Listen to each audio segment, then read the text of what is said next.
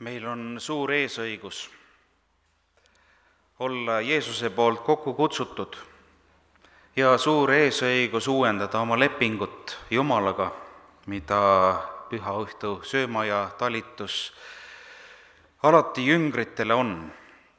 ja alati inimesed küsivad, kas, kas sellest sobib osa võtta, millise südamehoiakuga sobib sellest osa võtta ja sellel on kaks poolt. kui me soovime saada ilmutust või soovime millegi kohta tarkust saada, siis on võimalik otsida sellest maailmast enda ümbert seda vastust, aga teine võimalus on otsida seda vastust Jumalast ja tema ilmutusest. ja täna me teeme natukene nii ühte kui teist, sest meie oleme selles maailmas väga sageli eksinud, vajame uut lepingut, uut uuendust. Ja siis on Jumal, kelles on kõik ilu, mida ta on valmis igale lapsele näitama uuel päeval, et ta julgusega temaga käiks. ja ma olen kaks lugu piiblist valinud täna, esimene on teisest Saamueli raamatust kaheteistkümnendast peatükist. Ja hiljem vaatame Mat-, Matteuse evangeeliumi kaheksateistkümnendast peatükist. ja issand läkitas Naatani Taaveti juurde, too tuli tema juurde ning ütles temale, ühes linnas oli kaks meest, üks rikas ja teine vaene. rikkal oli väga palju lambaid ja veiseid, aga vaesel ei olnud midagi muud kui üksainus pisik väike utetall, kelle ta oli ostnud. ta toitis seda ja see kasvas üles tema juures üheskoos tema lastega. see sõi ta palukest, jõi ta karikast, magas ta süles ja oli temale nagu tütar. siis tuli rikka mehe juurde tee käia aga tema ei raatsinud võtta oma lammastest ja veistest, et valmistada rooga teekäijale kes ta juurde oli tulnud, vaid ta võttis vaese mehe ute talle ja valmistas mehele, kes ta juurde oli tulnud.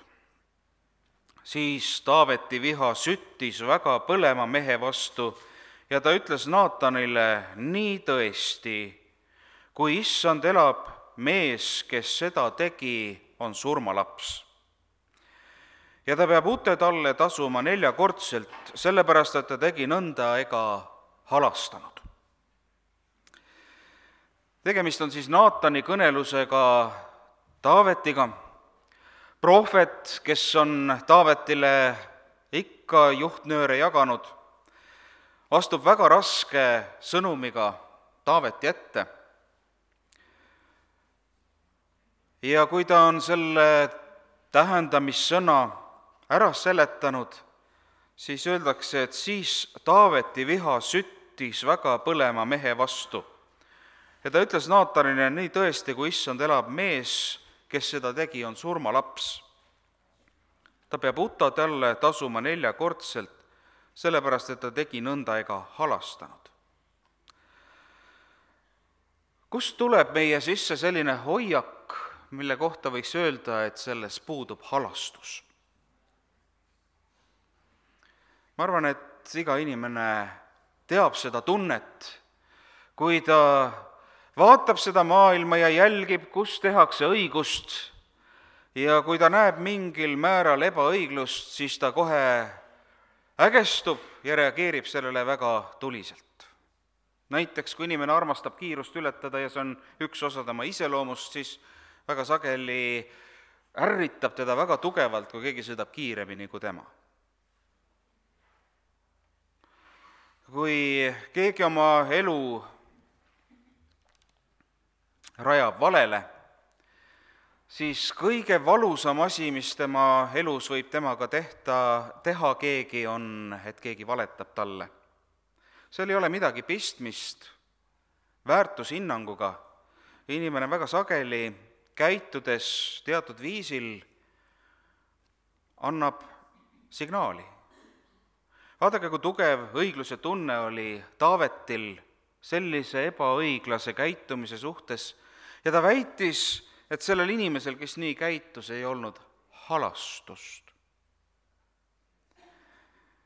aga Naatan ütles Taavetile, see mees oled sina. Taavet oli mees, kellele Jumal oli väga palju andnud, tal oli kõike, mida ta süda igatses. Ja ometi vaatas ta sinna, kuhu ta poleks pidanud vaatama. ühe armastava pere poole ja lõhub selle pere ära. ma arvan, et see ei ole see koht, kus väga pikalt seda teemat lahti arutada, aga me võtame ainult selle iseloomu omaduse, mille me siin leiame.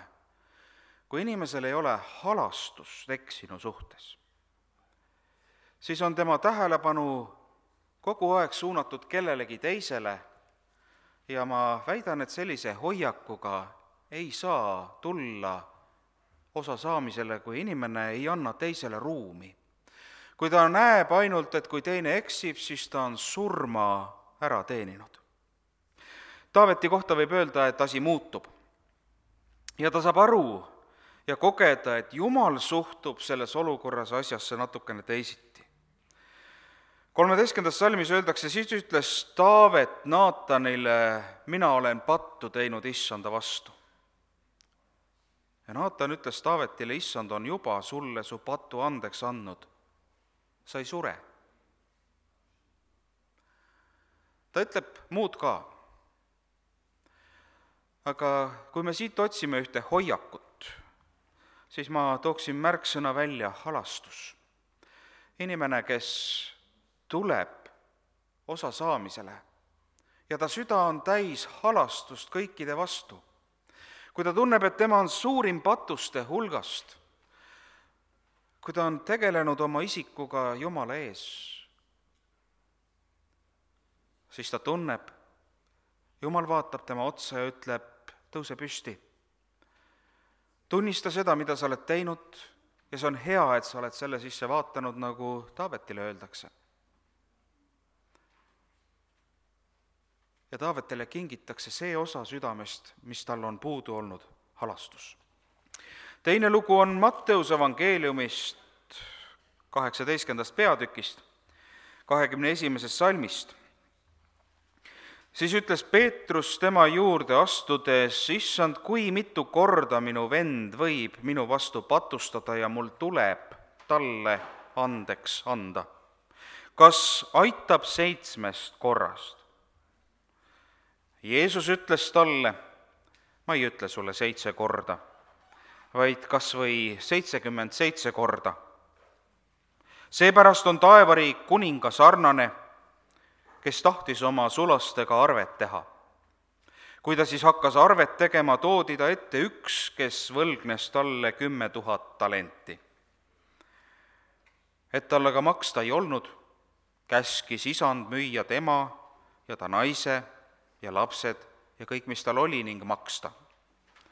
siis see sulane kummardas teda maha, teda maha heites ja ütles, ole minuga pikameelne ja ma maksan sulle kõik.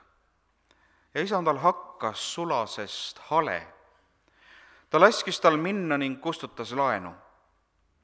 aga kui see sulane oli välja läinud, leidis ta ühe kaassulase, kes võlgnes talle sada teenarit ja temast kinni haarates kägistas teda ja ütles, maksa, mis sa võlgned. siis see kaassulane palus teda maha heites, ole minuga pikameelne ja ma maksan sulle. aga tema ei tahtnud, vaid läks ning laskis ta heita vangi, kuni ta oma võla ära maksab. kui nüüd teised sulased nägid, mis sündis, olid nad väga nördinud ja tulid ning kaebasid oma isandale kõik, mis oli juhtunud siis kutsus isand tema enese juurde ja ütles talle, sa tige sulane, ma kustutasin kogu sinu võla, sest sa palusid mind. ehk siis sinagi oleksid pidanud halastama oma kaassulase peale, nõnda nagu mina sinu peale halastasin. ja ta isand vihastas ning andis ta piinajate kätte, kuni ta maksab ära kõik, mis ta temale võlgnes. nõnda teeb ka minu taevane isa teile, kui teie igaüks kogu oma südamest ei anna andeks oma vennale.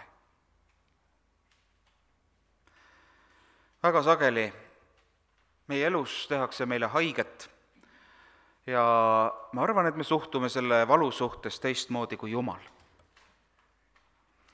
kuid Peetrus tuleb Jeesuse juurde ja ütleb, kui mitu korda ma pean oma vennale andeks andma. Sellega ta ütleb välja, et ta kannab väga suurt koormat, tal on väga raske oma vennale andeks anda, ükskõik mida ta on teinud. kui meil on raske andeks anda, siis me oleme parajasti nagu Taavet me ei ole mõelnud selle peale, milline on minu valu, mida ma Jumalale põhjustan oma eemal oldud hetkedega, muude tegevustega kui Jumalaga koos olemine. see on hoiak, mis ei ole selline, kus uuendatud lepinguga Jumalaga koos edasi minna. see on hoiak, mille kohta Jumal ütleb, ahaa iga münt on sulle kallis ja iga münt tuleb tagasi maksta, palun hakka siis mulle maksma. ma olen kunagi öelnud, et meie elus läheb aeg läbi sõrmede.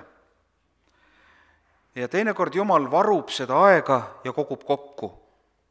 aastas on viiskümmend kaks, viiskümmend kolm hingamispäeva, mida kvaliteetajaga koos Jumalaga veeta. hommikust õhtuni varahommikust õhtuni. mulle meeldib seda väljendit kasutada.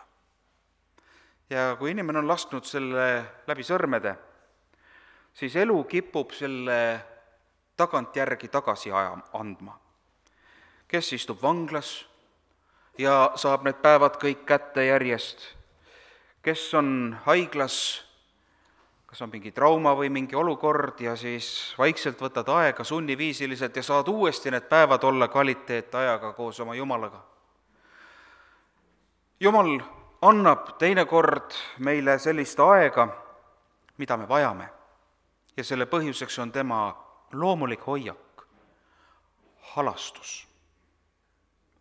Jumalal on alati iga inimlapse suhtes südames halastus sellist asja, kui inimene on teinud eksimuse, inimene on teinud pattu, ükski inimene ei seisa Jumala ees sellises hoiakus, kus Jumal ütleb, näed, mul olid sinust palju paremad kavatsused, ma poleks lootnud, et sa mind niimoodi reedad. iga inimene, kes vaatab Jumalale otsa oma patule vaadates nagu Taavet, tundes ära, et hoopis tema oli see halastamatu mees, kuuleb Jumalalt, minu, minu plaan ei ole sind hävitada. sina oma halastamatuses tahtsid tappa, aga minul on suuremeelsus sees. ma tahan teiega koos edasi minna. ja seda mõistsid isegi need tähendamissõnas pealtvaatajad. Kui nüüd teised sulased nägid, mis sündis, olid nad väga nördinud, tulid ja kaebasid oma isandale kõik, mis oli juhtunud ma ei pea seda täiuslikuks hoiakuks, aga see on jälle üks koht, kui ma näen, et keegi saab edasi minna, kes on eksinud ja ma olen nördinud järgmise eksimuse peale, siis see ei ole see koht, kus Jumalaga uues lepingus edasi minna. Niisiis ma võin vaadata teisi, küsida, kui palju ma pean temale andeks andma, ja mul on tunne, et minu sees kaob halastus. ja teine võimalus on otsida seda hoiakut, kus ma ütlen Jumala ees, näita mulle iseennast. näita mulle iseennast kogu minu südame sees. Nendes hetkedes, kus ma olen sinust hoolinud ja nendes hetkedes, kus ma ei ole sinust hoolinud. ja näita mulle seda armulikkust ja halastusrikkust millega sa tahad lihtsalt mu käest kinni võtta ja edasi minna, makstes täiega kõige selle eest, andes oma elu, mida ma olen vahepeal teinud, kuid säilitanud halastusrikkuse. kui sa tunned, et sinu sees on suur armastus, suur halastus iga inimese kohta, kes on sinu kõrval, suur igatsus, et igaüks saaks osa sellest armust, mida antakse Jeesuse lunastuse läbi, siis see on õige koht. siis on see uus algus, millega minna ja kuulutada kõigile Jumala suurt halastust. ja see on üks osa Jumala iseloomust. Ma ei ütle sulle seitse korda, vaid kas või seitsekümmend seitse korda. kas või? Jumala hoiak on halastusrikkust ja kõik, kes tahavad sellest osa saada, saavad temaga teha uue lepingu. aamen